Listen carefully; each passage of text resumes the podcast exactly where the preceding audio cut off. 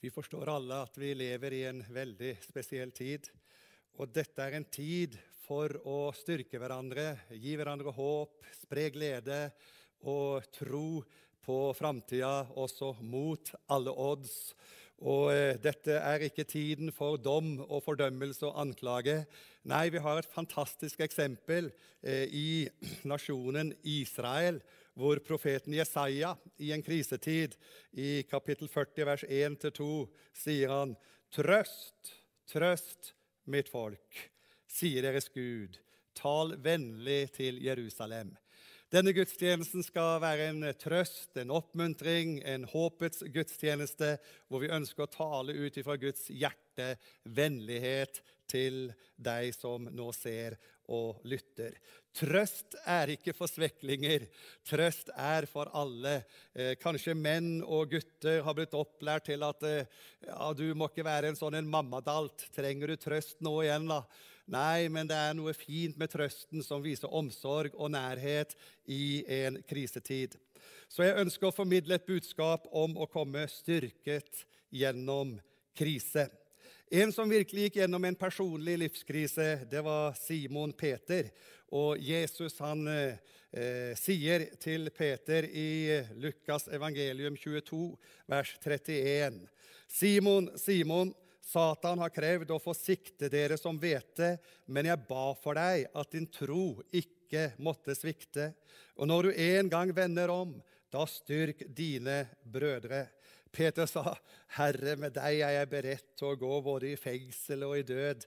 Men Jesus svarte, 'Jeg sier deg, Peter, før hanen galer i natt, skal du tre ganger ha nektet at du kjenner meg.' Det første jeg vil si litt om, det er krise. Kriser det kan komme som stormende vindkast. Vi kan nesten føle vi mister grunnen under våre føtter.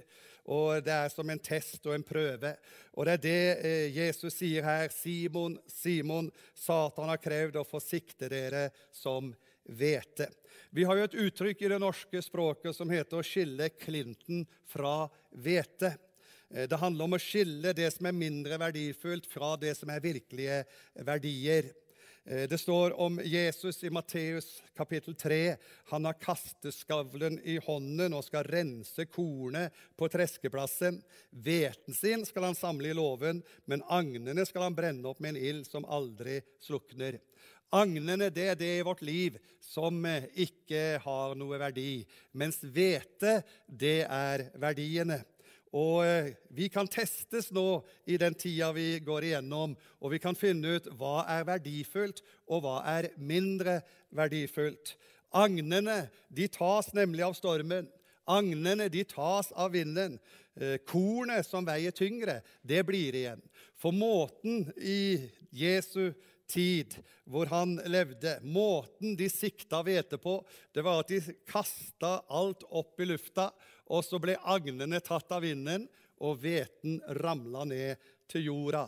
Det er altså tid nå for å oppleve at de verdiløse agnene i våre liv, som ikke tåler stormen, ikke tåler kritisk angrep på vår tilværelse, at de kan forsvinne og bli mindre viktig.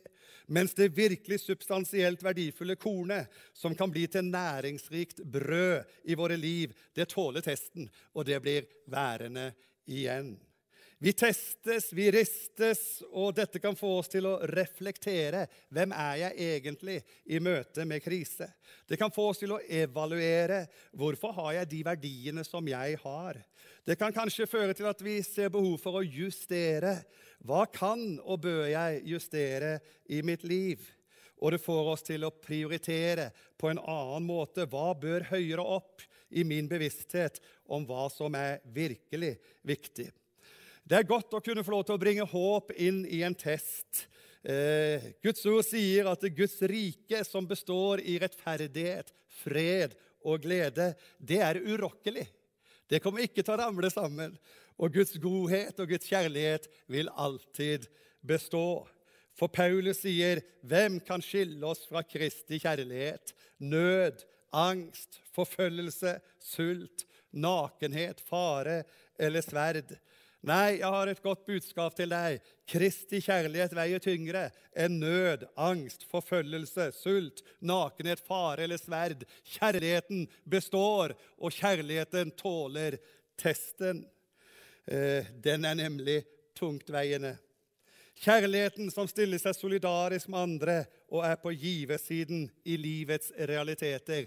Kjærligheten som stiller opp i den nasjonale dugnaden. Kjærligheten som viser solidaritet med mennesker som er mer utsatt enn oss selv. Så eh, testen, den er her. Så sier Jesus for andre, 'Men jeg ba for deg at din tro ikke måtte svikte'. Dere, det er viktig at vi beholder troen midt i krisa. Ja, vi ber for hverandre. Ja, vi ber med hverandre. Men jeg må jo si det topper alt å bli bedt for av Jesus Kristus. Tenk at han ber for deg. Jesus ber for oss. Ja, Paulus sier i det samme kapitlet som jeg allerede har nevnt i Romerbrevet 8, Kristus Jesus er den som døde. Ja, mer enn det. Han sto opp og sitter ved Guds høyre hånd, og han ber for oss. Det må vi vel kunne kalle kortreist bønn. I den tida hvor vi er veldig opptatt av kortreist mat, så vet vi at dette er også en krise som slår inn på produsenten av kortreist mat. Eh, vi husker også eh, næringslivet i bønn i den tida vi befinner oss i. Men eh, det er godt å vite at Jesus han praktiserer kortreist bønn. Han som sitter ved Faderens høyre hånd, han lever og går i forbønn for oss. Men vi vet Jesus ikke bare ba, men han ga sitt liv for Peter, så Peter skulle leve og i tid og for evig ha framtid og håp. Det finnes framtid, det finnes håp både for tiden og for evigheten. Fordi før eh, Peter ble gjenoppretta fra sin krise, så hadde Jesus dødd på korset, gitt sitt liv til soning for all feil og all svikt i Peters liv. Han som banna på at han ikke kjente Jesus, han ble gjenopprettet, og han kom styrket tilbake fra krisen. Han kom styrket gjennom sin personlige krise. Det var en Jesus som ba, og det var en Jesus som arbeidet og ga sitt liv og sa 'det er fullbrakt'. Det var dette vi feiret når vi feiret nattverd. Så vi ber, men vi arbeider også.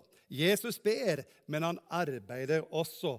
Åra et labora er et uttrykk som blir brukt i eh, klosterverdenen. At det var snakk om bønn. Ja, men bønn alene var ikke nok. Det måtte også arbeides. Åra et labora. Så vi arbeider ved å gi tid, vår tid det er vårt liv. Eh, gi våre ord, gi våre evner, gi penger for å avhjelpe nød. Hvis du har mer penger enn du trenger sjøl, vær med og støtt noen mennesker som kanskje har eh, en krise i sin personlige økonomi i den tida vi lever i nå.